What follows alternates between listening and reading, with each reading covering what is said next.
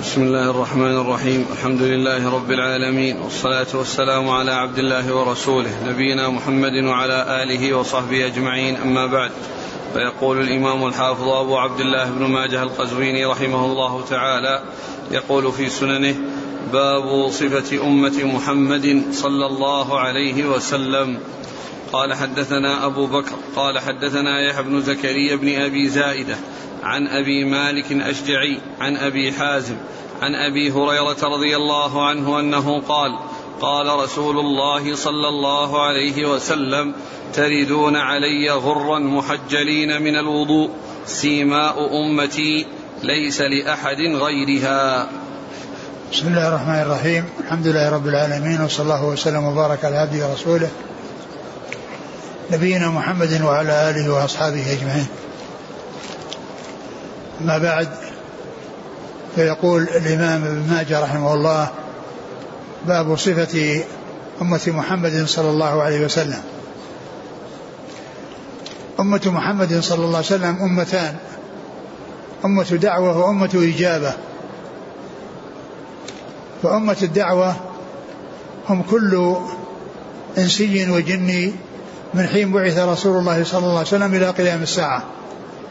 فهؤلاء كلهم من أمة محمد صلى الله عليه وسلم الذين مطلوب منهم أن يدخلوا في هذا الدين الحنيف وأن يشهدوا أن لا إله إلا الله وأن محمد رسول الله صلى الله عليه وسلم. فيقال لهؤلاء جميعا أمة الدعوة أي أنهم مدعوون والدعوة موجهة إليهم ومطلوب منهم أن يدخلوا في هذا الدين. وأمة الإجابة هم الذين دخلوا في الدين وشهدوا أن لا إله إلا الله وأن محمد رسول الله صلى الله عليه وسلم. وقد جمع الله بين الأمتين في آية في كتابه العزيز يقول الله عز وجل والله يدعو إلى دار السلام ويهدي من يشاء إلى صراط مستقيم. والله يدعو إلى دار السلام ويهدي من يشاء إلى صراط مستقيم. فقوله والله يدعو إلى دار السلام أي كل أحد وهذه أمة الدعوة. أي كل مدعو إلى دار السلام. ليس أحد يدعى وأحد لا يدعى. ولهذا أثبت الله للنبي صلى الله عليه وسلم الهداية التي هي هداية الدلالة والإرشاد وهي لكل أحد. في قوله وإنك لتهدي إلى صراط مستقيم وإنك لتهدي إلى صراط مستقيم يعني كل مدعو إلى الصراط المستقيم. لا يدعى أحد وأحد لا يدعى وإنما الدعوة للجميع. وأمة الإجابة في قوله ويهدي من يشاء إلى صراط مستقيم. يعني الذين هدوا إلى الصراط المستقيم ودخلوا في الدين الحنيف وشهدوا أن لا إله إلا الله وأن محمد رسول الله هؤلاء أمة الإجابة. هؤلاء هم أمة الإجابة. وقد قال صلى الله عليه وسلم في في أمة الدعوة وأنها عامة لكل أحد والذي نفسي بيده لا يسمع بي أحد من هذه الأمة. يهودي ولا نصراني. ثم لا يؤمن بالذي جئت به إلا كان من أصحاب النار. اليهود والنصارى من أمة محمد صلى الله عليه وسلم أمة الدعوة. ومن لم يؤمن بالرسول صلى الله عليه وسلم فإنه لا يكون فإنه ليس فإن مآله إلى النار والخلود فيها. مآله إلى النار والخلود فيها لأن لأن لأنه بعد بعثة صلى الله عليه وسلم ليس هناك إلا دينه. ولا يقبل الله من أحد دينا سواه بعد بعثته صلى الله عليه وسلم. ليس ولهذا جاء أن عنه صلى الله عليه وسلم أنه قال لو كان موسى حيا ما وسعه إلا اتباعي. وقال في عيسى إذا نزل في آخر الزمان أنه يحكم بهذا الدين. فلا يحكم بالإنجيل. الذي هو كتابه لأن لأن الشريعة التي لا بد من اتباعها هي شريعة نبينا محمد صلى الله عليه وسلم من حين بعثه الله إلى قيام الساعة. قال باب صفة صفة صفة أمة نبينا محمد صلى الله عليه وسلم يعني أمة الإجابة الذين استجابوا لله عز وجل وصاروا يصلون ويتوضؤون ويزكون ويصومون ويحجون ويأتون ويلتزمون بأحكام الشرع. قال عليه الصلاة والسلام تريدون؟ تردون علي غرا محجلين من الوضوء. تردون تردون علي يعني الحوض. غرا محجلين من أثر الوضوء. غرا محجلين من أثر الوضوء. الغرة هي البياض الذي يكون في الرأس وفي الوجه والتحجيل هو البياض الذي يكون في اليدين والرجلين. فالفرس الذي يكون غرا محجلا هو الذي بياض في في رأسه وجهه وبياض في يديه ورجليه. هذه غرة وعلامة. يعني يعني غرة وتحجيل. تحجيل يتعلق باليدين والرجلين وغرة في الوجه وفي الرأس. فيردون غرة محجلين من أثر الوضوء لأنهم يعني يغسلون وجوههم ويغسلون أيديهم وأرجلهم. يعني الوضوء فيه غسل الوجوه وغسل الأيدي والأرجل. وهذا يعني يكون علامة في الدار الآخرة بياض. يعني يعرف به تعرف به أمة محمد صلى الله عليه وسلم. ويعرفها بهذه العلامة وهي أنهم يكون غرا محجلين بأثر الوضوء بسبب الوضوء لأن الوضوء يكون في الوجه وفي اليدين والرجلين. كل منهما يغسل فتكون يعني بياضا في هذه الأعضاء تكون علامة لهم يوم القيامة. يعرف النبي صلى الله عليه وسلم بهذه العلامة أنهم من أمته صلى الله عليه وسلم. وقال سيما ليست لغيرهم يعني هذه علامة الغرة والتحجيل يعني في الدار الآخرة وعند ورودها على الحوض أنهم يكونون على هذا الوصف غرا محجلين من أثر الوضوء وسيما يعني علامة تكون لهم لأن السيما هي العلامة. يعني سيما لهم أي علامة لهم. تردون الحوض؟ تردون, تردون علي, علي غرا يعني تردون علي يعني الحوض. نعم.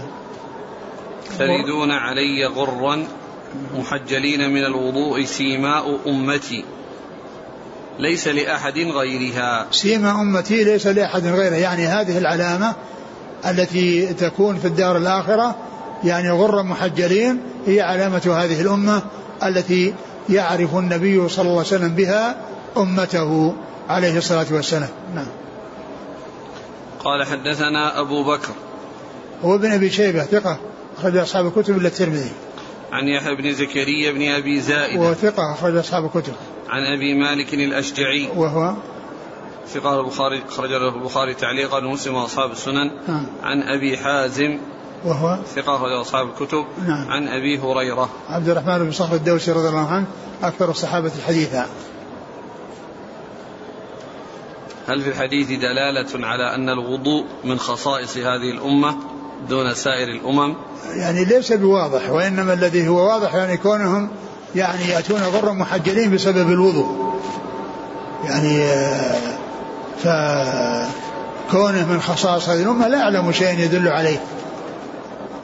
نعم قال حدثنا محمد بن بشار قال حدثنا محمد بن جعفر قال حدثنا شعبة عن أبي إسحاق عن عمرو بن ميمون عن عبد الله رضي الله عنه أنه قال كنا مع رسول الله صلى الله عليه وعلى آله وسلم في قبة فقال أترضون أن تكونوا ربع أهل الجنة؟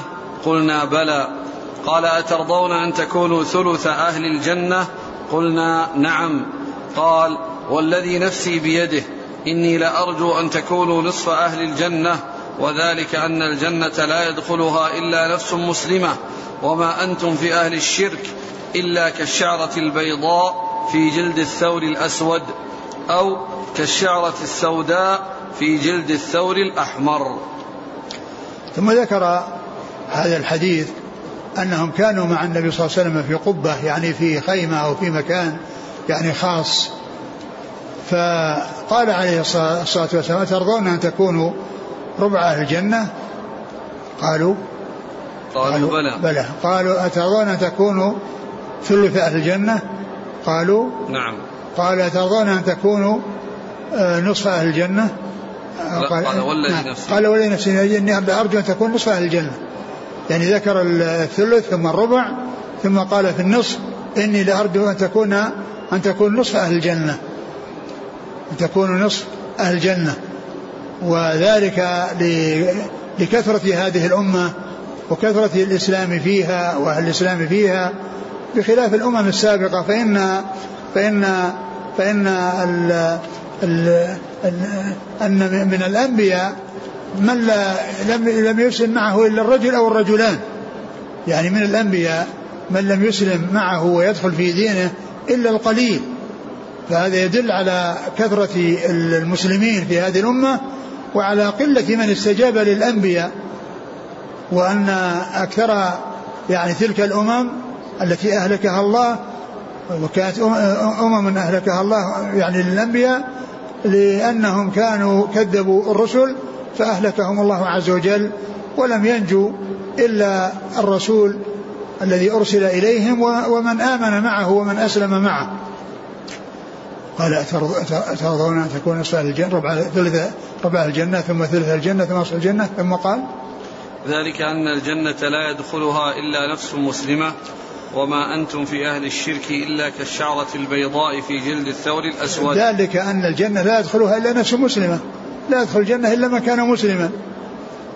وما أنتم في أهل الشرك إلا كالشعرة البيضاء في ظهر الثور الأسود أو الشعرة السوداء في ظهر الثور الأبيض. يعني معنى قلة المسلمين بالنسبة للكافرين. وذلك أن الأمم السابقة يعني آه، الكفار فيها كثيرون. والمسلمون فيها يعني قلة بالنسبة للكفار. وكذلك في هذا الزمان المسلمون قلة بالنسبة للكفار. الكفار أضعاف مضاعفة للمسلمين والمسلمون قليلون بالنسبة للكفار. فإذا الأمر كما قال عليه الصلاة والسلام أنتم أي المسلمون كالشعرة البيضاء في ظهر الثور الأسود يعني معناه أنه شيء قليل جدا بالنسبة لشيء كثير. ولهذا النار الله يلقي الله عز وجل فيها وتقول هل من مزيد؟ هل من مزيد؟ حتى يضع رب العزة فيها قدما فتقول قطن قطن يعني حسبي حسبي. وأما الجنة فيبقى بها فضلة إذا دخلها أهلها. فينشئ الله خلقا لم يعملوا خيرا قط فيسكنهم الجنة. كما ثبتت بذلك السنة. عن رسول الله صلى الله عليه وسلم. نعم. قال حدثنا محمد بن بشار. هو الملقب من دار ثقة أخرج أصحاب الكتب وهو شيخ لأصحاب الكتب. عن محمد بن جعفر. وهو الملقب غندر ثقة أخرج أصحاب الكتب. عن شعبة. شعبة بن الحجاج ثقة أخرج أصحاب الكتب. عن أبي إسحاق. وهو عمرو بن عبد الله الهمداني السبيعي ثقة أخرج أصحاب الكتب. عن عمرو بن ميمون. وهو ثقة أخرج أصحاب الكتب. نعم. عن عبد الله. عبد الله بن مسعود رضي الله عنه أخرج أصحاب الكتب.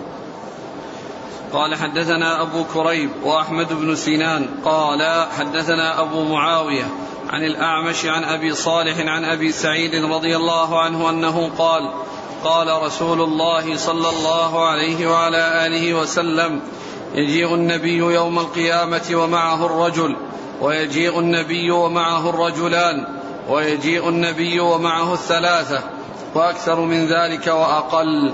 فيقال له هل بلغت قومك؟ فيقول نعم. فيدعى قومه فيقال هل بلغكم؟ فيقولون لا. فيقال من يشهد لك؟ فيقول محمد وأمته. فتدعى أمة محمد صلى الله عليه وسلم. فيقال هل بلغ هذا؟ فيقولون نعم فيقول وما علمكم بذلك؟ فيقولون أخبرنا نبينا صلى الله عليه وسلم بذلك أن الرسل قد بلغوا فصدقناه. قال فذلكم قوله تعالى وكذلك جعلناكم أمة وسطا لتكونوا شهداء على الناس ويكون الرسول عليكم شهيدا. ثم ذكر هذا الحديث الذي فيه قلة من استجاب للأنبياء. يجيء النبي ومعه الرجل. يجيء النبي ومعه الرجل ومعه والنبي ومعه الرجلان والنبي معه الثلاثة. وجاء في بعض الأحاديث والنبي ليس والنبي وليس معه أحد. أنا ما قال هنا. يجيء النبي معه الرجل والرجلان والثلاثة وأقل وأكثر. نعم ولكن في يعني في في, في بعض الروايات والنبي وليس معه أحد. وهذا يدل على قلة من استجاب للأنبياء. على قلة من استجاب للأنبياء. ويدل أيضا على النبي أن على أن النبي رسول وأنه مرسل لأنه هنا قال يعني النبي ومعه الرجل والنبي ومعه الرجلان. وقد ذكر العلماء فرقا بين النبي والرسول وهو أن الرسول هو الذي أوحي إليه بشريعة وأنزل عليه كتاب وصار عنده شريعة مستقلة وأنزل عليه كتاب. وأما النبي فهو الذي يحكم بشريعة سابقة يحكم بشريعة سابقة وبكتاب أنزل على من قبله. كما قال الله عز وجل إنا أنزلنا التوراة فيها هدى ونور يحكم بها النبيون. يعني أن أن الأنبياء من بني إسرائيل من بعد موسى كانوا يحكمون بالتوراة ويدعون الناس إلى إلى الدين. ويدعون الناس إلى الدين فيكون آه، آه، النبي آه، يعني بهذا الاعتبار مرسل لأنه أرسل ولكنه يبلغ شريعة سابقة. يعني ما عنده شريعة مستقلة وأنه نزل عليه كتاب وإنما يبلغ شريعة سابقة ويأتي وقد استجاب له القليل أو لم يستجب له أحد. وهذا يدل على أن النبي يعني أنه مرسل كالرسول. ولهذا يقول وكم أرسلنا من نبي في الأولين وما أرسلنا من قبلك من رسول ولا نبي. فذكر إرسال الرسول وإرسال النبي. ولكن الرسول يعني هو الذي أوتي بشريعة مستقلة وأنزل عليه كتاب والنبي هو الذي أمر بأن يبلغ رسالة سابقة. ثم بعد ذلك قال فيقال له هل بلغت قومك؟ نعم فيقال له هل بلغت قومك؟ فيقول نعم. فيعني يدعى قومه. ويدعى قومه ويقال هل بلغكم؟ فيقولون لا. فيقال له من يشهد لك؟ فيقول أمة محمد صلى الله عليه وسلم. فتأتي هذه الأمة وتسأل فتقال نعم أنها أنه قد بلغ. قالوا وكيف علمتم أنه قد بلغ؟ وأنتم ما أدركتم زمانه. أنتم في زمان وهو في زمان آخر. قالوا عرفنا ذلك عن طريق نبينا محمد صلى الله عليه وسلم الذي أخبرنا بأن هذا الرسول بلغ أمته وأن الرسل بلغوا الأمم. فنحن نشهد بما أخبرنا به من نبينا محمد صلى الله عليه وسلم. قال فذلك قول الله عز وجل وكذلك جعلناكم أمة وسطا لتكونوا فداء الناس ويكون الرسول عليكم شهيدا. فيكون يعني هذا مفسر لهذه الآية يعني هذا الحديث مفسر لهذه الآية وأن الأمة تشهد على أن الرسل بلغوا لأنها عرفت ذلك عن طريق نبيها محمد صلى الله عليه وسلم الذي جاء في كتاب الله عز وجل المنزل عليه أنهم بلغوا الرسالات وأدوا الأمانات وأن وأن وأنهم أدوا ما عليهم وأن الكفار الذين كفروا بهم قد بلغوا قد بلغتهم الرسالة ودعاهم النبي صلى الله عليه وسلم إلى الدين ولكنهم كفروا به فأهلكهم الله عز وجل ويوم القيامة عندما ينكرون بأن الرسول بلغهم تشهد هذه الأمة بهذه الطريقة التي بينها هذا الحديث الذي جاء عن رسول الله صلى الله عليه وسلم نعم. قال فكذلك قوله تعالى وكذلك جعلناكم أمة وسطا. نعم أمة عدلا. يعني عدولا خيارا. يعني يشهدون على أن الرسل بلغوا أممهم ومعرفتهم ذلك عن طريق ما جاء في كتاب رب كتاب ربهم وسنة نبيهم محمد صلى الله عليه وسلم. قال حدثنا أبو كريب وأحمد بن سنان أحمد بن أبو كريب ثقة أخرج أصحاب الكتب وهو شيخ لأصحاب الكتب وأحمد بن سنان هو. ثقة أخرج له أصحاب الكتب إلا الترمذي وإلا النسائي في مسند مالك. عن أبي معاوية. محمد بن خازم ثقة أخرج أصحاب الكتب. عن الأعمش. سليمان بن مهران ثقة أخرج أصحاب الكتب. عن أبي صالح. ذكوان السمان ثقة أخرج أصحاب الكتب. عن أبي سعيد. سعد بن مالك بن سنان أحد السبع المكثرين من حديث الرسول صلى الله عليه وسلم. قال حدثنا أبو بكر بن أبي شيبة قال حدثنا محمد بن مصعب عن الأوزاعي عن يحيى بن أبي كثير عن هلال بن أبي ميمونة عن عطاء بن يسار عن رفاعة الجهني رضي الله عنه أنه قال صدرنا مع رسول الله صلى الله عليه وسلم فقال والذي نفس محمد بيده ما من عبد يؤمن ثم يسدد إلا سلك به في الجنة. وأرجو الا يدخلوها حتى تتبوأوا أنتم ومن صلح من ذرياتكم مساكن مساكن في الجنة. ثم ذكر هذا الحديث. حتى, نعم. حتى تبوأوا أنتم ومن صلح من ذراريكم مساكن في الجنة. ولقد وعدني ربي عز وجل أن يدخل الجنة من أمتي سبعين ألفا بغير حساب. ثم ذكر هذا الحديث. عن رفاعة رفاعة الجهني. الجهني رضي الله عنه أن أنه قال صدرنا مع رسول الله صلى الله عليه وسلم فقال والذي نفس محمد بيده ما من عبد يؤمن ثم يسدد إلا سلك به ما من ما من مؤمن يؤمن ثم يسدد إلا سلك به في الجنة. سلك به نعم. إلى الجنة؟ في الجنة. في الجنة؟ نعم. سلك به. ما من عبد يؤمن ثم يسدد إلا سلك به في الجنة. نعم إلا سلك به في الجنة.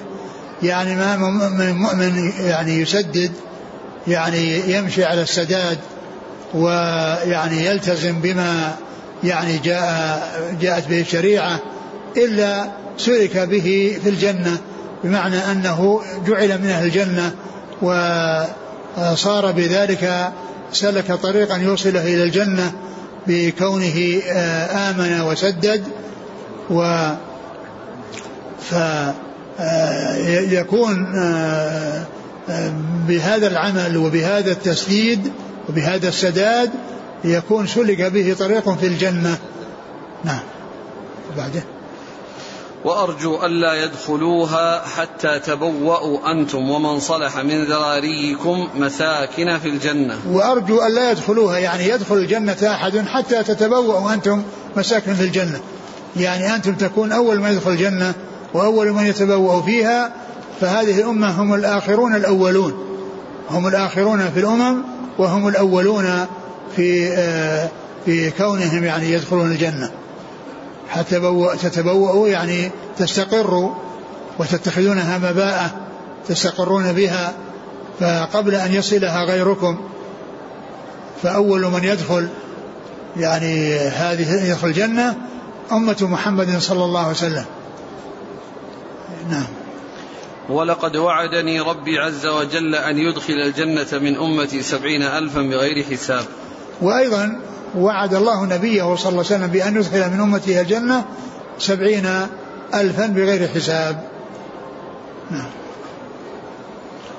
قال حدثنا أبو بكر بن أبي شيبة عن محمد بن مصعب. هو صدوق؟ كثير الغلط. أخرجه نعم. الترمذي وابن ماجه. نعم. عن الأوزاعي. عبد الرحمن بن عمرو الأوزاعي ثقة أخرج أصحاب الكتب. عن يحيى بن أبي كثير. اليمامي وهو ثقة أخرج أصحاب الكتب. عن هلال بن أبي ميمونة. وهو ثقة أخرج أصحاب الكتب. نعم. عن عطاء بن يسار. ثقة أخرج أصحاب الكتب. عن رفاعة الجهني. رضي الله عنه أخرج له. النسائي وابن ماجه. نعم. قال حدثنا هشام بن عمار قال حدثنا إسماعيل بن عياش قال حدثنا محمد بن زياد الألهاني. قال سمعت أبا أمامة الباهلي رضي الله عنه يقول سمعت رسول الله صلى الله عليه وسلم يقول وعدني ربي سبحانه أن يدخل الجنة من أمتي سبعين ألفا لا حساب عليهم ولا عذاب. مع كل ألف سبعون ألفا وثلاث حثيات من حثيات ربي عز وجل. ثم ذكر هذا الحديث عن أبي أمامة أن الرسول صلى الله عليه وسلم قال وعدني آه، ربي أن يدخل الجنة من أمتي سبعين ألفا ومع كل مع كل ألف. سبعون ألفا مع كل ألف سبعون ألفا وثلاث حثيات من حثيات ربنا. ربي وثلاث حثيات من حثيات ربي. يعني أن الله وعده أن يدخل الجنة من بغير حساب هذا العدد. وثلاث حثيات من حثيات ربي يعني أن هذا أيضا عدد غير محدد. بالإضافة إلى هذا العدد المحدد كلهم يدخلون الجنة بغير حساب. ويعني ومن المعلوم أن من, من الناس من يدخل الجنة بغير حساب ومنهم من يدخلها بعد الحساب ومنهم من يدخلها بعد الحساب وأنه يحاسب.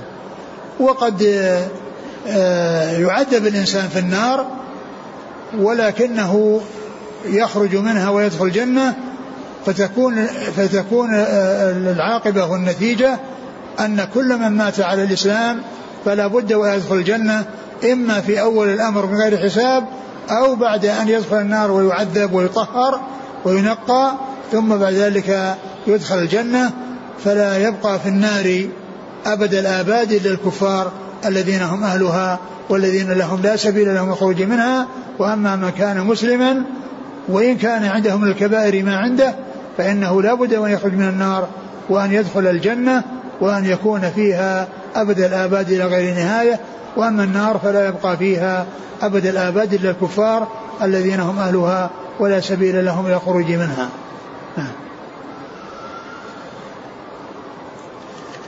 قال حدثنا هشام بن عمار صدوق خرجه حديث البخاري وأصحاب السنة. عن إسماعيل بن عياش وهو صدوق في روايته عن أهل بلده مخلط في في في روايته عن غيرهم وهذا من روايته عن أهل بلده أخرج له. البخاري في رفع اليدين وأصحاب السنن. نعم. عن محمد بن زياد الألهاني وهو؟ ثقة أخرج البخاري وأصحاب السنن. نعم. عن أبي أمامة الباهلي. سدي بن عجلان الباهلي رضي الله عنه أخرج له أصحاب الكتب. قوله وثلاث حثيات من حثيات ربي في إثبات صفة. صفة إيش؟ يقول الحثو يعني هو يعني آه، الصفة هي صفة اليد. يعني آه، صفة اليد. وأما بالنسبة للمحثو هذا يعني من من أعداد غير محددة أعداد غير محددة من يدخل الجنة بغير حساب. ويعني يعني يعني كونه يحثو يعني جاء في هذا الحديث إنه يحثو. هذه الحثيات الثلاث. لكن الحثيات هذا عدد غير محدد ممن يدخل الجنة بغير حساب بالإضافة إلى سبعين ألف مع كل ألف سبعون ألف. قال حدثنا عيسى بن محمد بن النحاس الرملي وأيوب بن محمد الرقي قال حدثنا ضمرة بن ربيعة عن ابن شوذب عن بهز بن حكيم عن أبيه عن جده رضي الله عنه أنه قال قال رسول الله صلى الله عليه وعلى آله وسلم نكمل يوم القيامة سبعين أمة نحن آخرها وخيرها. ثم ذكر هذا الحديث عن النبي صلى الله عليه وسلم أنه قال نكمل سبعين نكمل يوم القيامة. نكمل يوم القيامة سبعين أمة نحن نحن خير آخرها وأفضلها. نحن آخرها وخيرها, وخيرها. نحن آخرها وخيرها. يعني أنه سبق يعني هذه الأمة أمم كثيرة فقيل إن هذا العدد إنما هو للتكثير وقيل إنه للتحديد وهذه الأمة هي التي تكمل هذا العدد وتكون هي آخر هذه الأمم وهي خير هذه الأمم فهي خيرها وهي أكملها وهي أيضا كما أنها آخرها هي أولها كما مر أنها تكون آخر الأمم وتكون أول من يدخل الجنة. وتكون أول من يدخل الجنة. وهو يدل على فضيلة هذه الأمة على غيرها من الأمم. نعم. وفيه عدد أن الأمم سبعين بالتحديد أو التكثير. قيل, قيل إن هذا للتكثير. قيل إن هذا للتكثير. وقد يكون للتحديد أيضا. مثل ما جاء في قضية آآ آآ ستفرق هذه الأمة على 73 فرقة كلها في النار إلا واحدة. فإن فإنه يعني يدل على أنه للتحديد ومنهم من قال إنه للتكثير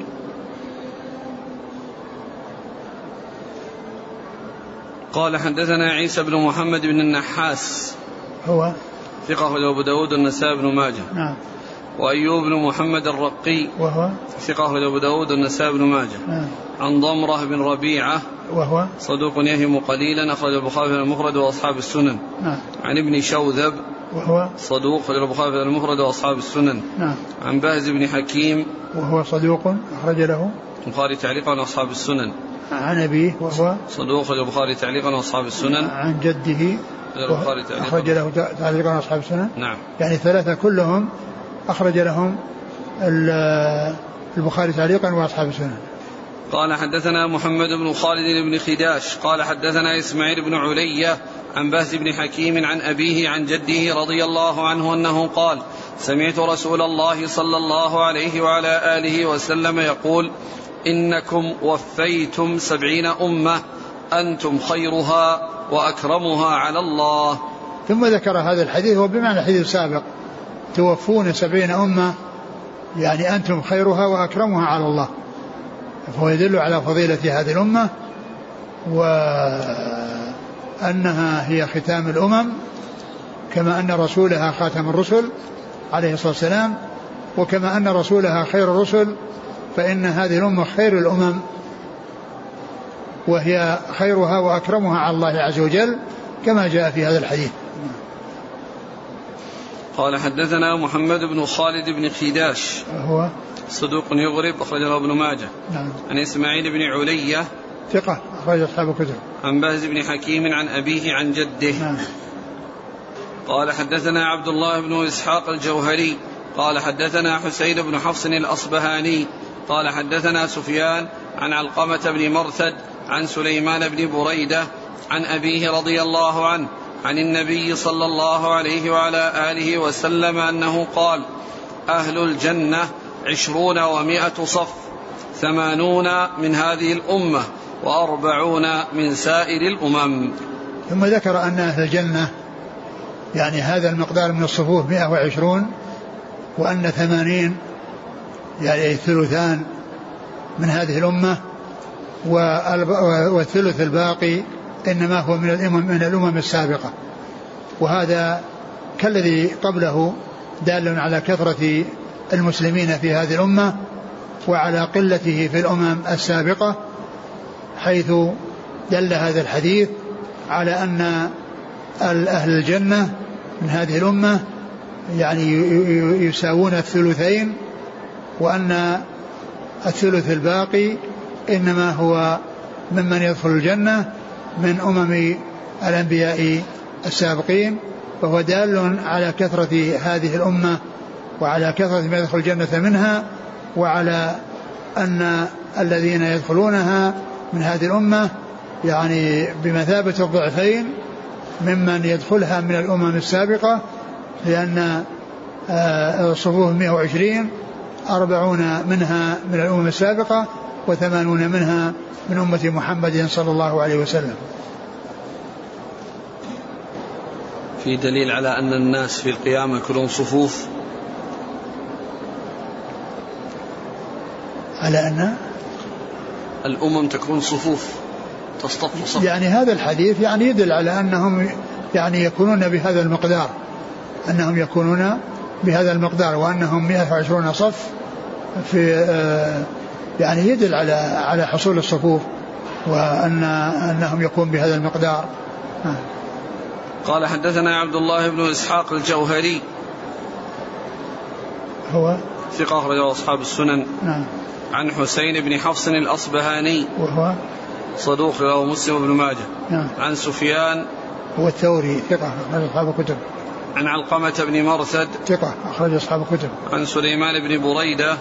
وهو ثقة أخرجه البخاري أخرج له مسلم وأصحاب السنن عن أبيه أبو بريدة بن الحصيب الأسلمي رضي الله عنه أخرج أصحاب الكتب.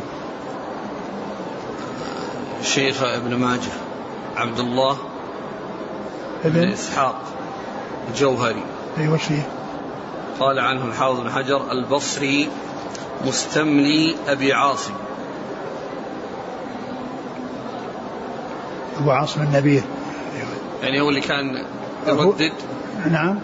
المستملي اللي كان يردد؟ نعم. الذي يعني آه الذي يبلغ.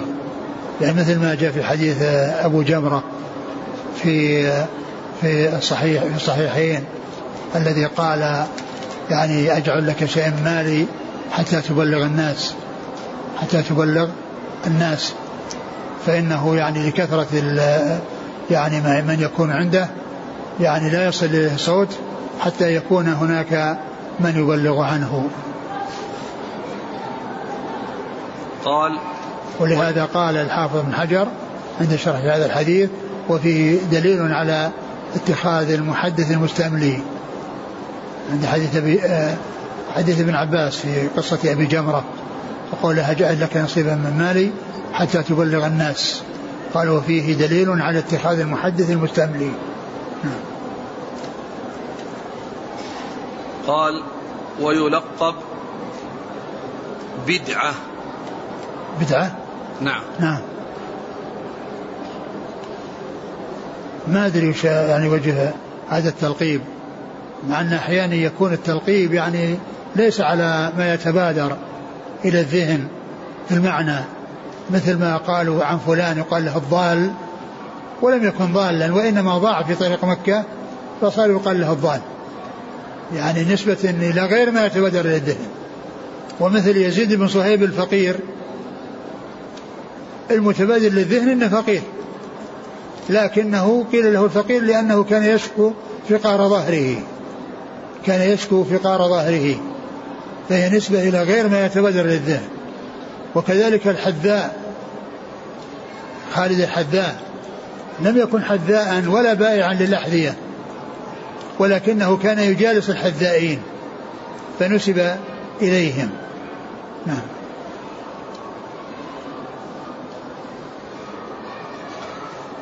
قال حدثنا محمد بن يحيى قال حدثنا أبو سلمة قال حدثنا حماد بن سلمة عن سعيد بن إياس الجريري عن أبي نضرة عن, أبي عن ابن عباس رضي الله عنهما أن النبي صلى الله عليه وعلى آله وسلم قال نحن آخر الأمم وأول من يحاسب يقال أين الأمة الأمية ونبيها فنحن الآخرون الأولون. ثم ذكر هذا الحديث عن ابن عباس. عن ابن عباس رضي الله عنهما أنه قال نحن نحن آخر الأمم نحن, نحن آخر الأمم. يعني هذه الأمة هي آخر الأمم. الأمم التي آه، أرسل الله إليها الرسل هذه الأمة هي آخر الأمم ورسولها عليه الصلاة والسلام هو آخر الرسل وخاتم الرسل عليه الصلاة والسلام. نحن آخر الأمم. وأول من يحاسب. وأول من يحاسب. يعني كونهم يحاسبون أولا ثم يدخلون الجنة قبل غيرهم يعني حصلوا الآخرية بالنسبة للدنيا والأولية بالنسبة للآخرة. نعم. يقال أين الأمة الأمية ونبيها؟ نعم يقال أين الأمة الأمية ونبيها؟ يعني ف يعني يحصل منهم التقدم على غيرهم. نعم. فنحن الآخرون الأولون. فنحن الآخرون في الدنيا الأولون يوم القيامة محاسبة ودخولا في الجنة. وهذا الحديث عن ابن عباس جاء أيضا عن أبي هريرة الذي نحن الآخرون الأولون. وهذا في صحيفة همام منبه. التي آه، جاءت في إسناد واحد وهي تبلغ 140 حديثا تقريبا يفصل بين كل حديث وحديث وقال رسول الله صلى الله عليه وسلم فيأتي فيها وقال رسول الله صلى الله عليه وسلم 140 مرة. وهو حديث طويل أول الإسناد واحد ثم يأتي وقال وقال وقال. وأول حديث في الصحيفة نحن الآخرون الأولون. أول حديث في الصحيفة عن أبي هريرة نحن الآخرون الأولون. هذا أول حديث في الصحيفة. وهي 140 حديث أولها نحن الآخرون الأولون. فهو شاهد لحديث أبي هريرة لحديث ابن عباس. نعم. والبخاري ومسلم كل منهما انتقى من هذه الصحيفة احاديث فهناك حديث اتفقوا عليها من الصحيفة وأحاديث انفرد بها مسلم البخاري وأحاديث انفرد بها مسلم. وأحاديث ما أخذوا منها شيء مع أنها بسند واحد. وهذا يوضح أن البخاري ومسلم لم يلتزم إخراج كل حديث صحيح. لأنهم لو كانوا التزموا ما تركوا شيء من الصحيفة مع أنها بسند واحد وقد أخذوا منها وتركوا. فلو كانوا التزموا إخراج الصحيح ما تركوا شيء من الصحيفة لكنهم ما التزموا وإنما ذكروا جملة كبيرة من الأحاديث الصحيحة. نعم. قال حدثنا محمد بن يحيى. محمد بن يحيى ثقة أخرج عليه البخاري وأصحاب السنة. عن أبي سلمة. وهو موسى بن إسماعيل التبوذكي ثقة أخرج أصحاب الكتب. عن حماد بن سلمة وهو ثقة أخرجه البخاري تعليقا ومسلم وأصحاب السنن. عن سعيد بن إياس الجريري وهو ثقة أخرج أصحاب الكتب. عن أبي نضرة وهو المنذر بن مالك بن قطعة وهو ثقة أخرجه البخاري تعليقا ومسلم وأصحاب السنن. عن ابن عباس. نعم. قال حدثنا جبارة بن المغلس قال حدثنا عبد الأعلى بن أبي المساور عن أبي بردة عن أبيه رضي الله عنه أنه قال قال رسول الله صلى الله عليه وعلى آله وسلم إذا جمع الله الخلائق يوم القيامة أذن لأمة محمد صلى الله عليه وسلم في السجود فيسجدون له طويلا ثم يقال ارفعوا رؤوسكم قد جعلنا عدتكم فداءكم من النار. ثم ذكر هذا الحديث عن النبي صلى الله عليه وسلم أن أن أمة محمد صلى الله عليه وسلم تؤمر بالسجود فيسجدون طويلا ثم يقال ارفعوا رؤوسكم ويقال إنه جعل عدتكم فداءكم من النار. يعني من الكفار يعني عددهم فداء من النار. ومعنى ذلك أن الله عز وجل يعني جعل لكل مقعد من الجنة ومقعد من النار. المسلم له مقعد من الجنة ومقعد من النار والكافر له مقعد من الجنة ومقعد من النار. ولهذا يعني يقال للمسلم يعني يعني يفتح له في قبره يعني نافذة للنار أو باب إلى النار. فيعني فيقال انظر إلى هذا المكان الذي يعني وقاك الله إياه وأنك سلمت منه بإيمانك وأن هذا مكان من يكون كافرا بالله عز وجل. ثم يفتح له باب إلى الجنة ويقال هذا مكانك فيزداد فرحا وحبورا وسرورا لكونه رأى النار ورأى العذاب ورأى أنه يحطم بعضها بعضا وقد نجاه الله تعالى منها وهيأ له ووفقه بأن يكون من أهل الجنة.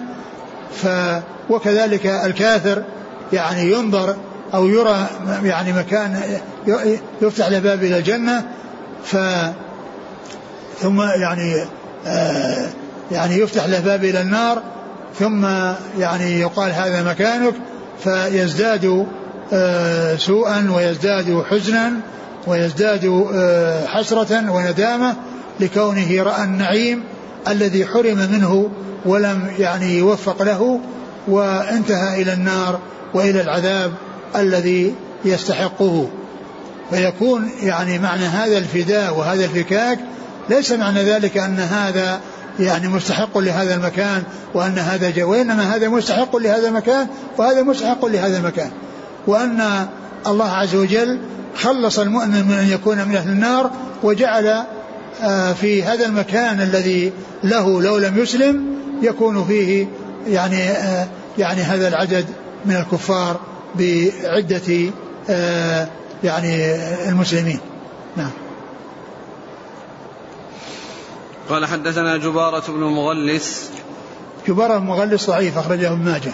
عن عبد الأعلى بن أبي المساور. وهو متروك أخرج له ماجه. عن أبي بردة. وهو من أبي موسى الأشعري ثقة أخرج أصحاب الكتب.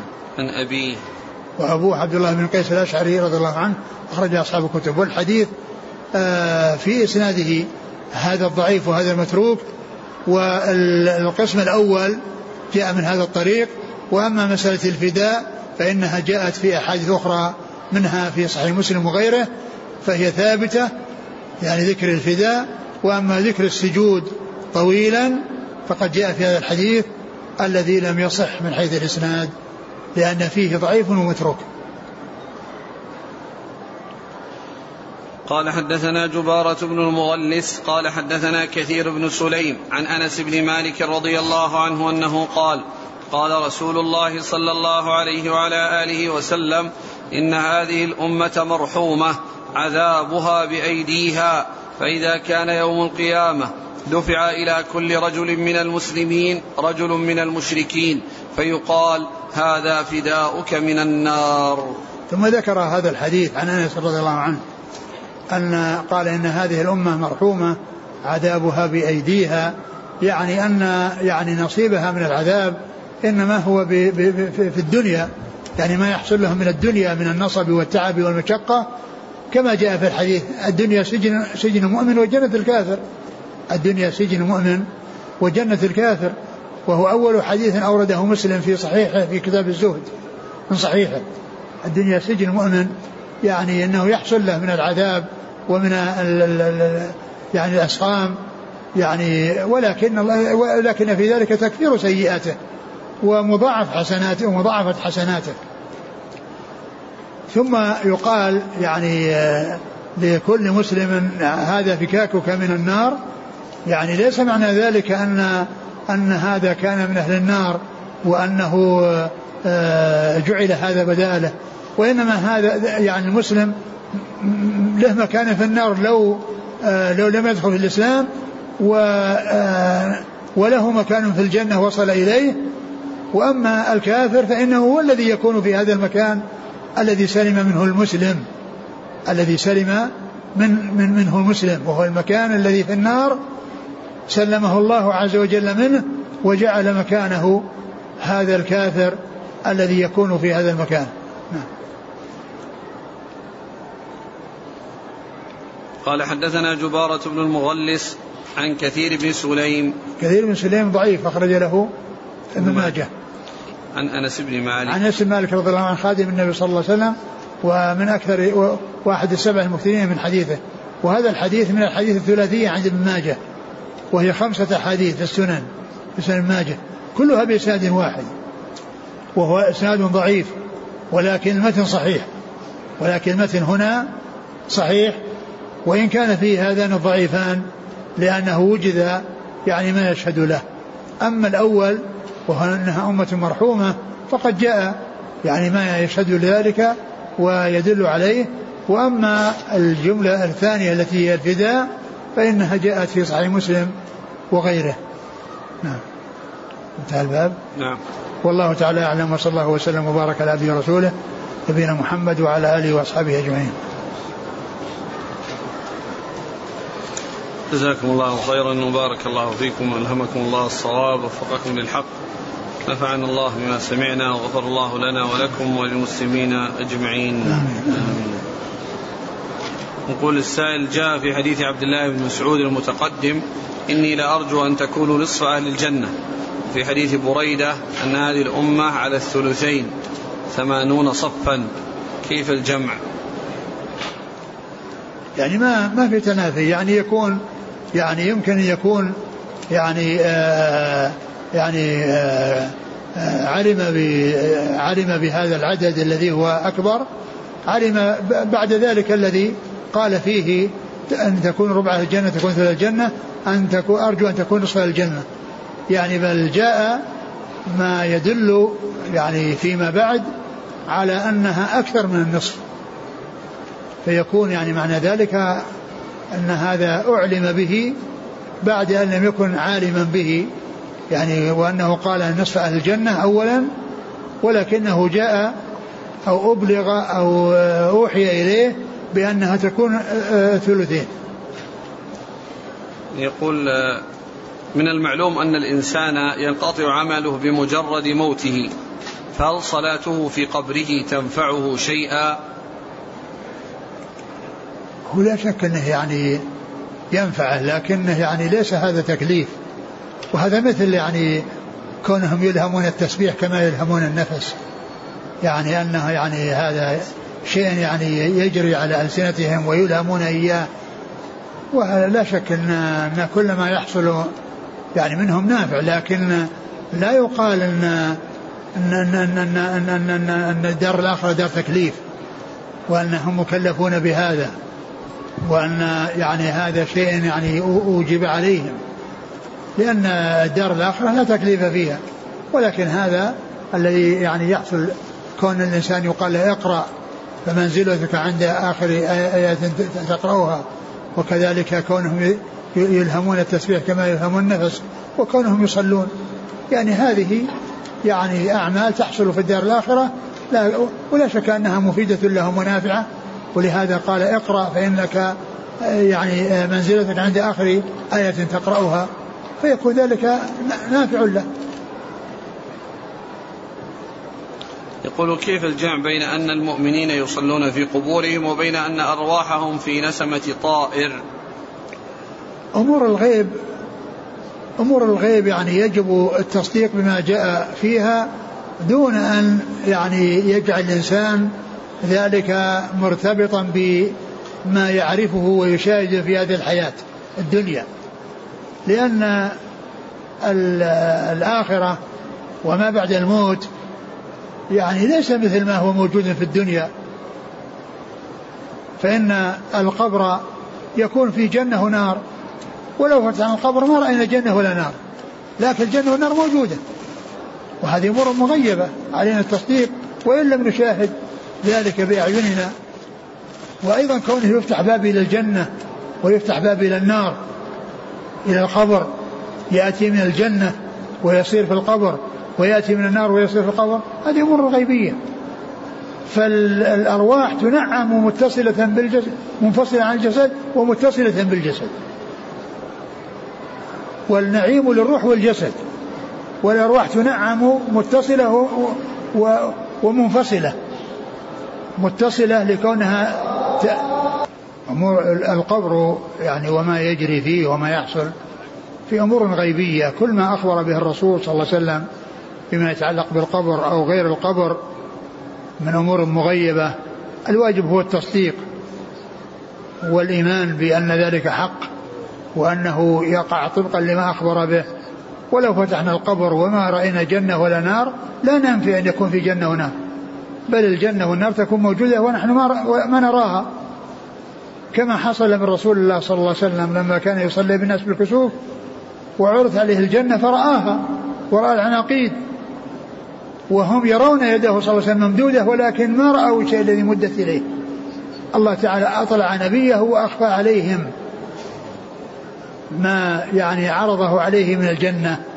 وكذلك رأى النار ويحتم بعضها بعضا ورأى من يعذب فيها وتقهقر ولم يعرف الصحابة لماذا تقهقر حتى أخبرهم بأنه رأى الجنة ومد يده ليأخذ عنقودا فترك وأنه رأى النار وتقهقر. فهذه ما يجري في القبر يعني أمور غيبية. لا يتوقف الإنسان على أن يكون مطابق لما يعقله في هذه الحياة الدنيا. ثم إن في, في, في أمور الدنيا يعني شيء يوضح هذا المعنى.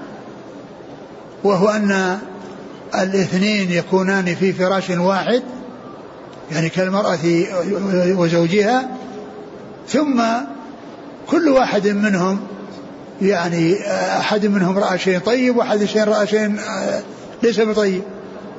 يكون أحدهما رأى في منامه أنه يتنعم ويأكل من النعيم والفواكه والملذات ثم يقوم من النوم مرتاح لعابه يسيل.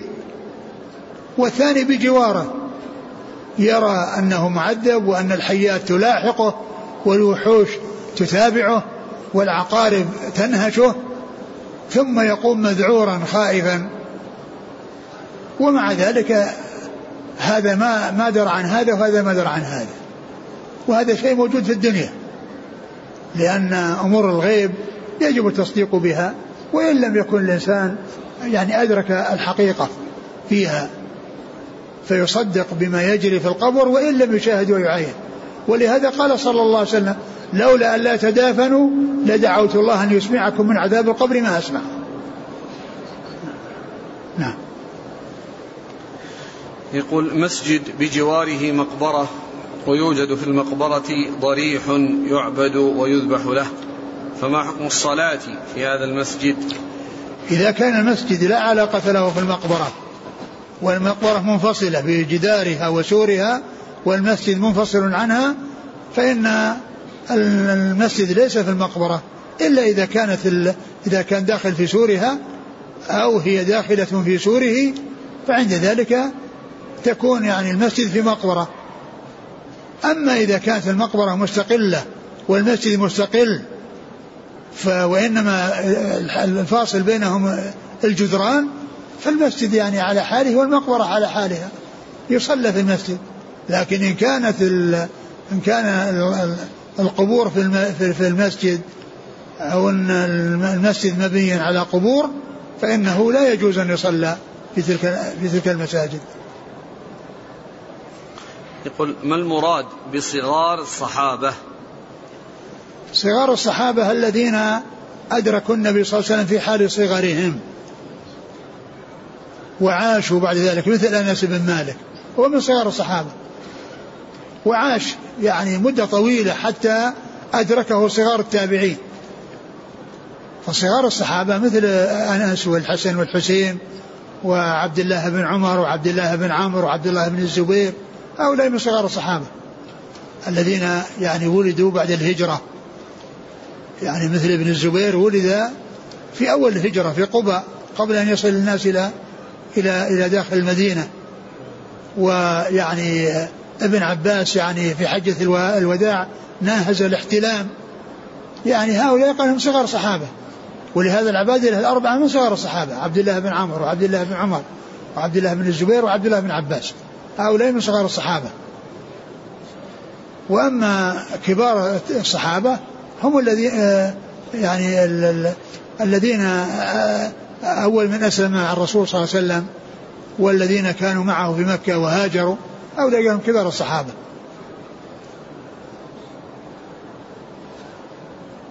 يقول هل تجوز زيارة النساء للقبور إذا كانت تلك الزيارة فيها العظة والعبرة مع الالتزام بالحجاب والحشمة؟ في ذلك خلاف بين أهل العلم والصحيح أنها لا تزور. لأن النبي صلى الله عليه وسلم قال لعن الله زوارات القبور. فنص عليهن باللعن و فدل ذلك على أن النساء ليس لهن زيارة القبور وإنما زيارة القبور للرجال. ثم أيضا ما فيهن من الهلع ومن الضعف فإن يعني ما عندهن القوة التي عند الرجال. قد يحصل منهن النياحة ويحصل منهن أمور لا تحمد عاقبتها. فلهذا جاءت السنة بأنهن لا يزرن. وقال صلى الله عليه وسلم لعن الله زوارات القبور. يقول رجل رهن قطعة أرض ثم أراد أن يبيعها لصديقه فهل يجوز له أن يبيعها قبل حلول أجل فك الرهن؟ أصلا لا يتمكن. أقول ما يتمكن ما دام أن أن أنها مرهونة والصك عند عند ذاك. الذي رهنها لا يستطيع أن يتصرف فيها. وحتى لو ما كان في صكوك ما دام أنها مرهونة ليس له أن يتصرف فيها. ليس له أن يتصرف فيها. لأن حق لأن حق الدائن فيها متعلق بهذه العين. ولهذا الرهن هو توثقة دين بعين. الرهن هو توثقة دين بعين. العين اللي فيه الرهن. يقول آه، إنسان وجد ذهبا لقطة في بلد ليس فيه مسلمون فماذا عليه أن يفعل؟ يعني ما في مسلمون إلا هو؟ يعني ما في مسلمين؟ نعم وقد يكون يعني كثرة ال كثرة ال ال آه، البلد إنهم كفار وفيهم مسلمون وقد تكون المسلمين وقد تكون الكفار. يعني يعني آه، يعرفها وإذا مضت سنة ولم يأتي أحد يصفها فإنه يستنفقها بعد أن يعرف عفاصها ووكاءها وكل ما يتعلق بها وإن جاء صاحبها فيما بعد ووصفها يعطيها إياه. يقول ولد لي غلامان والحمد لله ولم أستطع أن أعق عنهما لضعف الحال وقد كبرا فهل لي الآن أن أعق عنهما؟ نعم. فأذبح في كل شهر كبشا لأن هذه هي طاقتي. لا هو كبشان. لعن كل واحد كبشان. فيعني فكونه يعني يعق عنهما فيما بعد وأن ليس لازما في أول الأمر نعم. إذا أقدر الله أقدره الله يعق عنهما. يقول هل أكون أنا محرم لأختي زوجتي أبي إيش؟ أخت زوجة أبوه. وش علاقة وش علاقة زوج أخت زوجة أبوك بك؟ لأنك أنت تتزوجها فتكون يعني أنت عديلا لوالدك على ما يقولون. يقول أو أخت جدتي. أخت جدتك؟ أخت جدتك آه، يعني هي من محارمك. أخو أخت جدك من محارمك.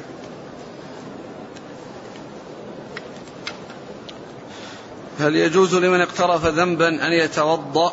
تأول تأولا لقوله تعالى إن الحسنات يذهبن السيئات. في حديث يدل على أن الإنسان إذا إذا أذنب فإنه يعني يتوضأ ويصلي يعني صلاة يعني يتوب بها إلى الله عز وجل. قد جاء في في ذلك حديث في مسند الإمام أحمد وهو في أول المسند. يعني يمكن ثاني حديث أو ثالث حديث لأن أول حديث في المسند هو حديث آه، أبي بكر في قصة آه، الآية التي في, في, في الآية التي آه، يا عليكم أنفسكم. هذا أول حديث في المسند. وفي حديث في التوبة يعني صلاة للتوبة وهي وهو الحديث الثاني أو الثالث من المسند في أوله. نعم. يقول انتشر في هذا الأسبوع الكلام وفتاوى بجواز رضاعة الكبير إذا كان أهل البيت بحاجة ولا يستغنون عنه. فما رأي فضيلتكم؟ يعني رضاع الكبير الرضاع هو خاص بالحولين والذي ينفع فيه الرضاع. وقصة سالم مولى أبي حذيفة هذه خاصة به هي خاصة به وليست لغيره. ومن المعلوم أن رضاع الكبير لو كان سائغا لأم